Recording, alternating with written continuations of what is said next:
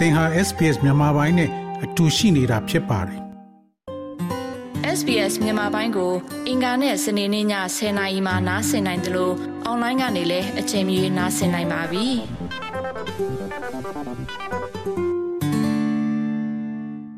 အဲဒေါ်ဆန်းစုကြည်ခင်ဗျာအခုလိုကျွန်တော်တို့ SBS Radio မြန်မာပိုင်းအစီအစဉ်ကနေအခုလို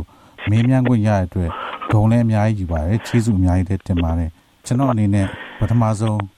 ဒေါ်ဆန်းစုကြည်မေးချင်တာအခုအခြေခံအုပ်ချုပ်ပုံနဲ့ပတ်သက်ပြီးမနေ့ကဒီသတင်းတွေထွက်လာပါတယ်အဲ့ဒီသတင်းမှာပါလာတော့အခြေခံအုပ်ချုပ်ပုံဥပဒေရနောက်ပြီးရွေးကောက်ပွဲမှာဝင်ရောက်ရွေးခံရမယ့်လူကအမိဘနှစ်ပါးမြန်မာနိုင်ငံသားဖြစ်ရမယ်နောက်တခြားနိုင်ငံတစ်ခုရဲ့ဒီခံစား권တွေမရှိရဘူးလို့ပြောတာအဲ့ဒါဟုတ်ပါလား ဟုတ်ပါပေါ့ကျမလည်းသိပြီးတော့ဒီအခုဖွဲ့စည်းပုံအခြေခံစီစီမံဥပဒေမှာစိတ်ဝင်စားမှုမရှိပါဘူးဒါဟာပြည်သူလူထုရဲ့ထောက်ခံမှုမရှိတဲ့အမျိုးသားညီလာခံကျင်းပနေတဲ့ဖွဲ့စည်းပုံအခြေခံဥပဒေဆိုတာတော့တိတ်အတိတ်ပဲတော့မရှိပါဘူးဟုတ်ကဲ့ခင်ဗျာအဲ့ဒီအခြေခံအုပ်ချုပ်ပုံဥပဒေမှာလည်းဒီစစ်တပ်ကနေပြီး25ရာခိုင်နှုန်းကိုသူတို့ကင်ထားမယ်ပြောတယ်တကယ်တော့85ရာခိုင်နှုန်းကပြည်သူလူထုကကင်ထားမယ်ဆိုရင်သူတို့အနေနဲ့ပေါ့လေဒီသူတို့လှုပ်ချင်တိုင်းလှုပ်လို့ရမယ်လို့ထင်ပါလား ဒီဟာဟာဘယ်ရာခိုင်နှုန်းဘာရာခိုင်နှုန်းကိုပြောနေတာမဟုတ်ပါဘူးကျမတို့ရဲ့မူအရတော့ဖွဲ့စည်းပုံအခြေခံဥပဒေဆိုတာဟာပြည်သူလူထုရဲ့ဆန္ဒကိုထင်ဟပ်တဲ့စစ်မှန်တဲ့အမျိုးသားညီလာခံမှာသာဆွဲဆွဲရမယ့်ကိစ္စတခုဖြစ်ပါတယ်ရာခိုင်နှုန်းဘယ်လောက်ရှိတယ်ဘယ်လောက်ရှိတယ်ဆိုတာအဓိကမဟုတ်ပါဘူးအဓိကကတော့ပြည်သူလူထုရဲ့ဆန္ဒနဲ့ကိုက်ညီပြီးတော့ပြည်သူလူထုကမိမိတို့ရဲ့ဟိုဆန္ဒအရာရည်ညွှန်းနိုင်တဲ့ထိမ့်သိမ်းသွားနိုင်တဲ့အမျိုးသားညီလာခံတစ်ခုအနေသာထွက်ပေါ်လာမှာဖြစ်ပါတယ် ဟုတ်ကဲ့ပြင်အခုလောဆယ်ကျွန်တော်တို့တိုင်းပြည်မှာဖြစ်နေတဲ့ဥစ္စာဒီပေါ့လေကျွန်တော်ဒေါ်ဆန်းစုကြည်နဲ့ပြည်သူလူထုကတစ်ဖက်စစ်တပ်ကလည်းသူတို့လက်နဲ့အပြည့်စုံနဲ့တစ်ဖက်အခုပြည်သူလူထုနဲ့ဒေါ်လကောင်ဒေါ်ဆန်းစုကြည်နဲ့ဒေါ်လကောင်စကားပြောဖို့ညင်းဆိုနေတယ်ဒီလိုအခြေအနေမျိုးပဲဆက်ဖြစ်သွားမလားမဟုတ်ဘဲနဲ့ရှေ့မှာဘာများဖြစ်လာနိုင်မလဲဆိုတာဒေါ်ဆန်းစုကြည်နဲ့ဘယ်လိုထင်ပါလဲ ကျမတို့ကမ္ဘာသမိုင်းကိုလေ့လာလိုက်လို့ရှိလို့ရှိရင်ဒီလိုပြဿနာတွေကနောက်ဆုံးတော့ဆွေးနွေးခြင်းနဲ့ပဲညီကုန်းချိုရတာပဲအဲ့တော့တော့တနေ့မဟုတ်တနေ့တော့ဆွေးနွေးရမှာပါပဲဒါပေမဲ့ဆွေးနွေးမှုဖြစ်ပေါ်လို့ပို့ကြာလေးလေးနိုင်တိုင်းပြည်ကတော့နားလေးလေးပေါ့အဲ့တော့တိုင်းပြည်ပေါ်မှာစေတနာရှိတယ်ဆိုရင်တော့ဆွေးနွေးမှုကိုအများဆုံးလုပ်ဖို့လိုပါတယ်နောက်တစ်ခုကဒီဒီအခုလောဆယ်မှာဖြစ်နေရပေါ့ဒီစစ်တပ်ကသူတို့မှာအားလုံးဒီပတ်စံနေရောပါရောအကုန်လုံးသူတို့ဘက်ကတော့အကုန်ပြည့်စုံနေပြီးတော့ပြည်သူလူထုဘက်မှာစားဝတ်နေရေးအတော်လေး ခက်ခဲနေတော့ဒီလိုအခြေအနေတိုင်းသာဆက်သွားမယ်ဆိုရင်ပြည်သူလူထုကတရက်မခံရနိုင်လို့ပြဿနာဖြစ်လာမယ်ဆိုရှင်ဒေါ်ဆန်းစုကြည်အနေနဲ့ဘယ်လိုရပ်တည်မလဲမသိဘူးကျမတို့အမှန်တရားဘက်ကပဲရပ်တည်မှာပဲပြည်သူလူထုဘက်ကနေပြီးတော့အနစ်နာနစ်နာနေတယ်ဆိုလို့ရှိရင်တော့ပြည်သူလူထုဘက်ကနေပြီးတော့ရပ်တည်မှာပေါ့ဒါပေမဲ့လည်းကျမကဒီလိုပြောခြင်းအပြင်ဟိုတယောက်နဲ့တယောက်ပေါ်တယောက် ဟိုအာအာဂါဒထားတဲ့စိတ်တွေကိုတော့ကျွန်မဘယ်လို့မှအားမပေးနိုင်ဘူးအခုအချိန်นี้မှာတချို့တွေကအင်မတန်မှချမ်းသာကြွယ်ဝနေပြီးတော့တော်တော်များများအင်မတန်ချမ်းဆင်းရဲနေတယ်ဆိုတာကတော့ကျွန်တော်တို့နိုင်ငံမှာလူမှုရေးမတည်မငြိမ်ဖြစ်အောင်လို့တွန်းအားပေးနေတာနဲ့တူတူပါပဲအဲ့တော့ဒီအန်ဒီရီရှိတယ်ဆိုတာတော့အမှန်ပါပဲအန်ဒီရီကိုမြင်ရဲ့သားနဲ့ဒီအန်ဒီရီဟာပောက်ကွဲတဲ့အဆင့်ထိမရောက်အောင်ကာကွယ်ဖို့မလုပ်ဘူးဆိုလို့ရှိရင်တော့တာဝန်မဲ့ရရောက်မယ်လို့ကျွန်တော်တို့ကတော့ထင်ပါတယ် ပြန်နောက်တစ်ခုကျွန်တော်တို့ပြန်ကြည့်မယ်ဆိုလို့ရှိရင်တကယ်တော့ကျွန်တော်တို့ဒီမိုကရေစီရပြီဆိုလို့ရှိရင်အခုကျွန်တော်တို့တိုင်းပြည်မှာပညာရေးအခြေအနေကအတော်လေးအခြေအနေဆိုးနေပါတယ်ကျွန်တော်တို့တိုင်းပြည်ကိုဒီအခုဟောအောင်လာမဲ့လူတွေနဲ့ဘလို့ပြန်ထီထောင်နိုင်မလဲလို့ဒေါ်ဆန်းစုကြည်အနေနဲ့မြင်ပါတယ်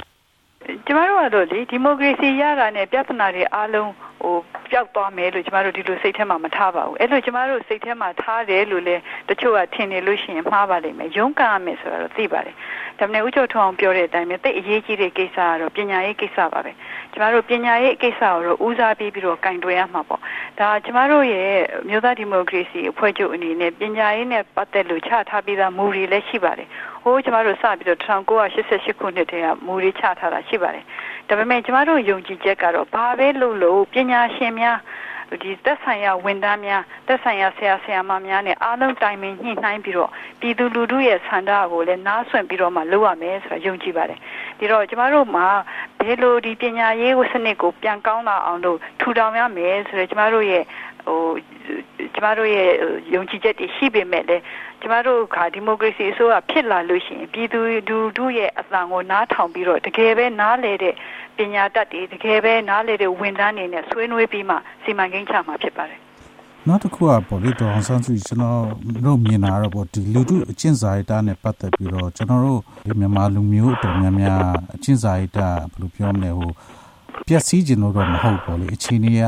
ရရောက်ကြောင်ကျွန်တော်တို့ဥစားပျက်စီးနေရရှိတယ်ဒါမဲ့တချို့ပေါ့လေကျွန်တော်တို့မြင်တဲ့ဟာနိုင်ငံခြားကိုရောက်လာကြပြီမယ်နိုင်ငံခြားမှာကိုယ်အချင်းစာရိတ္တကိုပြန်ပြီးပြင်နိုင်ပြီမဲ့မပြင်မဲနဲ့ဆက်ပြီးဒီလိုရှိသွားတယ်တွေ့ရပါတယ်တကယ်လို့ကျွန်တော်တိုင်းပြည်မှာဒီမိုကရေစီရပြီဆိုလို့ရှိရင်ဒီလူတွေရဲ့အချင်းစာရိတ္တကိုပြန်မျိုးပေါ့လေအဖတ်ဆဲလို့ကတော်တော်နဲ့လွယ်ကူနိုင်မှာမလားလွယ် ကူနိုင်မှာတော့မဟုတ်ပါဘူးဒါပေမဲ့လည်းကျမတို့နိုင်ငံသူနိုင်ငံသားများ ဟိုအကျင့်စာရိတ္တပြည့်ရတဲ့ကိစ္စအဓိကကိစ္စတစ်ခုကတော့အာဂတိလိုက်စားမှုဖြစ်လို့ပါပဲဒီလိုအကြီးအကဲများအာဂတိလိုက်စားတယ်ဆိုတော့ဆိုတဲ့အခါကျတော့ပြည်သူလူထုကလည်းအကျင့်စာရိတ္တပြတ်တာပေါ့ဒီတော့အာဂတိမလိုက်စားနိုင်အောင်လို့အစိုးရအနေနဲ့မမှန်မကန်နာကိုမလုံနိုင်အောင်လို့ထိမ့်သိမ်းထားတဲ့စနစ်အောက်မှာဆိုလို့ရှိရင်အစိုးရနဲ့နိုင်ငံတော်ဝန်ထမ်းများကအကျင့်စာရိတ္တကောင်းလာတဲ့အခါကျပြည်သူလူထုကလည်းအကျင့်စာရိတ္တ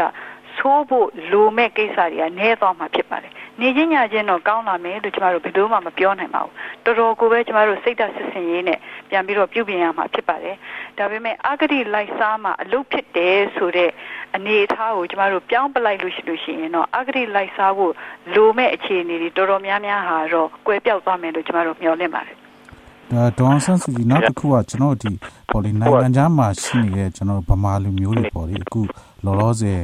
တိုင်းပြည်မှာဖြစ်ပျက်နေတဲ့အခြေအနေကိုအခွင့်အရေးယူပြီးဗမာပြည်မှာပြန်ပြီးစီးပွားလုပ်နေကြတဲ့လူတွေရောဒေါအောင်ဆန်းစုကြည်အနေနဲ့ဗာများမှာကြားခြင်းပါ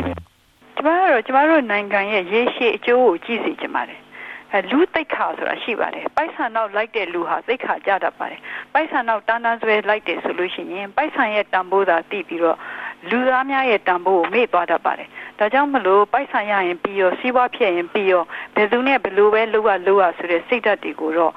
ဖြောက်ကွယ်အောင်လုပ်ဖို့ကျွန်မတိုက်တွန်းကြပါတယ်။ဘာဖြစ်လို့လဲဆိုတော့နိုင်ငံခြားမှာရောက်နေတဲ့မြန်မာလူမျိုးတွေဆိုတာဟာငတ်နေတဲ့လူတွေအင်တာမနဲပါတယ်မရှိပါဘူး။ငတ်နေလို့ရှိလို့ရှိရင်လည်းရောက်နေနိုင်မှာမဟုတ်ပါဘူး။ဒီတော့မိမိတို့ဘဝဖူလုံမှုရှိရသားနဲ့အမှန်တရားဘက်ကနေပြီးတော့မယက်တီပဲနဲ့ပိုက်ဆံတော့လိုက်တယ်ဆိုတာဟာမိမိတို့ရဲ့ဂုဏ်သိက္ခာလေးအင်တာမလည်းကြာဆင်းတယ်။နောက်ပြီးတော့လည်းကျမတို့နိုင်ငံအတွက်လည်းအင်တာမဟိုညှိုးနှွမ်းစရာကိစ္စဖြစ်ပါတယ်။ဒီတော့ဒီလို စီးပွားရေးလုပ်လို့ရလို့ရှိရင်ပြီးရောနိုင်ငံရေးနဲ့မဆိုင်ဘူးဆိုတဲ့စိတ်ဓာတ်တွေကိုတော့ကြောက်အောင်လို့အများဆုံးစ조사ကြပါလို့ကျွန်မတိုက်တွန်းချင်ပါတယ်။ကျွန်တော်ဒီကျွန်တော်တို့ဩစတြေးလျမှာပေါ့ယူရီးယားမှာပေါ့88အရေးခင်ပြီးတဲ့နောက်မှာထွက်ပြေးလာတဲ့အကြောင်းသားတချို့ဒီဩစတြေးလျအစိုးရသူတို့ရဲ့ပေါ့လေဒီစီမံချက်အရဒီမှာကျောင်းသားပေါ့ဒီထိုင်းနိုင်ငံမြန်မာကျောင်းသားအယောက်400 500လောက်ရှိပါတယ်ဒီကျောင်းသားတွေကိုဒေါ်ဆန်းစုကြည်အနေနဲ့ဗာများမှာချားခြင်းပါ ဒီနေ့ကျတော့မြန်မာနိုင်ငံမှာပြန်လာပြီးတော့နိုင်ငံရဲ့အကျိုးကျမတို့နိုင်ငံသူနိုင်ငံသားများရဲ့အကျိုးကိုထမ်းဆောင်နိုင်အောင်လို့တတ်နိုင်သမျှပညာတွေရှာထားပါပညာရှာထားတဲ့အပြင်ခုနကဦးကျော်ထွန်းပြောပြောခဲ့တဲ့အင်တာမအရေးကြီးတဲ့အကျင့်စာရိတ္တကောင်းမွန်ရေးဘက်ကိုလည်းလိုက်စားပါလို့ကျွန်မမှာကြားချင်ပါတယ်တတ်နိုင်သမျှအခုအချိန်မှာလည်းဒီဘက်ကကျမတို့ရဲ့ဒီမိုကရေစီလှုပ်ရှားမှုကိုပံ့ပိုးပါလို့လည်းကျွန်မမေတ္တာရပ်ခံချင်ပါတယ်နောက်တစ်ခုကတော့ကျွန်တော်တို့ဒီလူငယ်တွေဟာ88အရေးခင်းပြီးတဲ့နောက်မှာ နေဆက်ကိုထွက်ပြေးလာကြနေဆက်မှာတောထဲမှာရောထိုင်းနိုင်ငံမှာတော်များများလူငယ်တဘာဝနဲ့နှိုင်းလို့မရအောင်သူတို့ဒုက္ခခံစားကြကြပါတယ်နောက်ပြီးသူတို့မိဘအိမ်နဲ့လည်းခွဲလာတာဆိုလို့ရှိရင်အခုအတော်သူတို့မှကြာနေကြပါပြီတချို့ဆိုလို့ရှိရင်မိဘဆုံးလို့ရှိရင်မိဘဆုံးတာလည်းမသိတဲ့လူတွေရှိကြပါတယ်ဒီလူငယ်တွေကိုဒေါအောင်ဆန်းစုကြည်နဲ့ဘလို့များအားပေးစကားပြောကြခြင်းပါ ဒါဟာကိုအမှန်တရားအတွက်လုပ်ခဲ့ရတဲ့စွန့်စားမှုဆွတ်လွတ်မှုတွေပဲအနစ်နာခံမှုတွေပဲဒါတွေဂုံယူစရာပေါ့ကိုဟာအမှန်တရားအတွက်အနစ်နာခံလေလေကိုရဲ့လူဂုံသိက္ခာဟာတိုးလေလေပဲကိုတယောက်တည်းလူဂုံသိက္ခာတိုးတာမဟုတ်ပါဘူးကိုအမှန်တရားအတွက်ကိုကအနစ်နာခံနေဆိုလို့ရှိရင်သူများအတွက်လည်းကိုဟာနမူနာဖြစ်ပါတယ်အဲ့ဒီတော့အမှန်တရားဘက်မှာယက်တည်တဲ့လူတွေတိုးပွားစေတဲ့နည်းတစ်ခုလည်းဖြစ်ပါတယ်အဲ့တော့ဒါဟာဟိုလော်ကီဘက်ကနေကြည့်လို့ရှိလို့ရှိရင်လည်းကျမတို့လူချင်းတဲ့ဒီမိုကရေစီရရှိရေးအတွက်အများကြီးအထောက်အကူဖြစ်ပါတယ်လောကုတ္တရာဘက်ကနေကြည့်လို့ရှိလို့ရှိရင်လည်းအမှန်တရားဘက်ကနေယက်တည်ရအောင်မလို့အင်မတန်မှ ကုကုသိုလ်ပွားမယ်အလုပ်မျိုးဖြစ်ပါတယ်ဒါကြောင့်မလို့စိတ်ဓာတ်မကြပါနဲ့အနစ်နာခံလေးလေးအနစ်နာခံနိုင်လေးလေးကိုယ့်ရဲ့အင်အားဟာတက်လာမှာပဲကိုယ့်ရဲ့အင်အားဟာတက်လာလေးလေးကိုဟာသူတစ်ပါးကိုပို့ပြီးတော့အကျိုးပြုနိုင်လေလေနောက်ဆုံးတော့သူတစ်ပါးအကျိုးပြုရင်လည်းကိုယ်အကျိုးလည်းဖြစ်နိုင်ပါတယ်ဒါကြောင့်မလို့စိတ်ကိုတောင်းတောင်းတင်းတင်းထားကြပါစိတ်ဓာတ်မကြပါနဲ့ကိုတိုင်းပြည်အတွက်ကိုလူမျိုးအတွက်ဆွန့်လွတ်ရတယ်အနစ်နာခံရတယ်ဆိုတော့ကိုယူစရာကိစ္စပါဘာမှဟိုစိတ်ဓာတ်ကြစရာအကြောင်းဘာမှမရှိပါဘူးဝင်းနေစရာအကြောင်းဘာမှမရှိပါဘူး ခုနောက်ဆုံးအနေနဲ့ပေါ့လေကျွန်တော်ဒီမြန်မာနှစ်တကူမှာဩစတြေးလျမှာရှိတဲ့ဒီမြန်မာလူမျိုးစုအားလုံးကိုဒေါ်ဆန်းစုကြည်နဲ့ဗာများအမှားကြားစကားပြောခြင်းပါနှစ်တကူအချိန်မှာကျမတို့ဟာတတိမေတ္တာဇွဲဝရိယကောင်းမွန်တဲ့စိတ်ဓာတ်တွေကိုပို့ပြီးတော့တစ်ဆန်းပြီးတော့ပို့ပြီးတော့ရှင်းတန်လာအောင်လို့ကြိုးစားကြပါလို့ကျွန်မတိုက်တွန်းချင်ပါတယ်နှစ်တစ်ကူမှာကျမတို့လူချင်းတဲ့ပန်းတိုင်ကိုအများဆုံးရောက်ရှိဖို့အတွက်အားသည့်မန်တဲ့ အင်အားသစ်တွေနဲ့တခါလေကျမတို့ဆက်ပြီးတော့ကြိုးစားဖို့အားလုံးကနေပြီးတော့တန်တိတ်ခံချကြပါလို့လည်းကျမကနေပြီးတော့မေတ္တာရက်ခံချင်ပါတယ်ဟုတ်ကဲ့ခင်ဗျာဒေါ်ဆန်းစုကြည်အခုလို SPS Radio မြန်မာပိုင်းစီစဉ်နဲ့ဆွေးနွေးခွင့်ပေးရတဲ့အတွက်ကျေးဇူးအများကြီးတင်ပါတယ်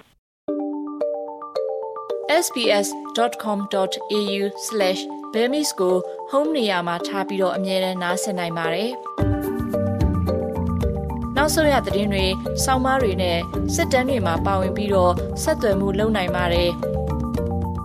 sbs.com.au/bemis ဖြစ်ပါတယ်ရှင်။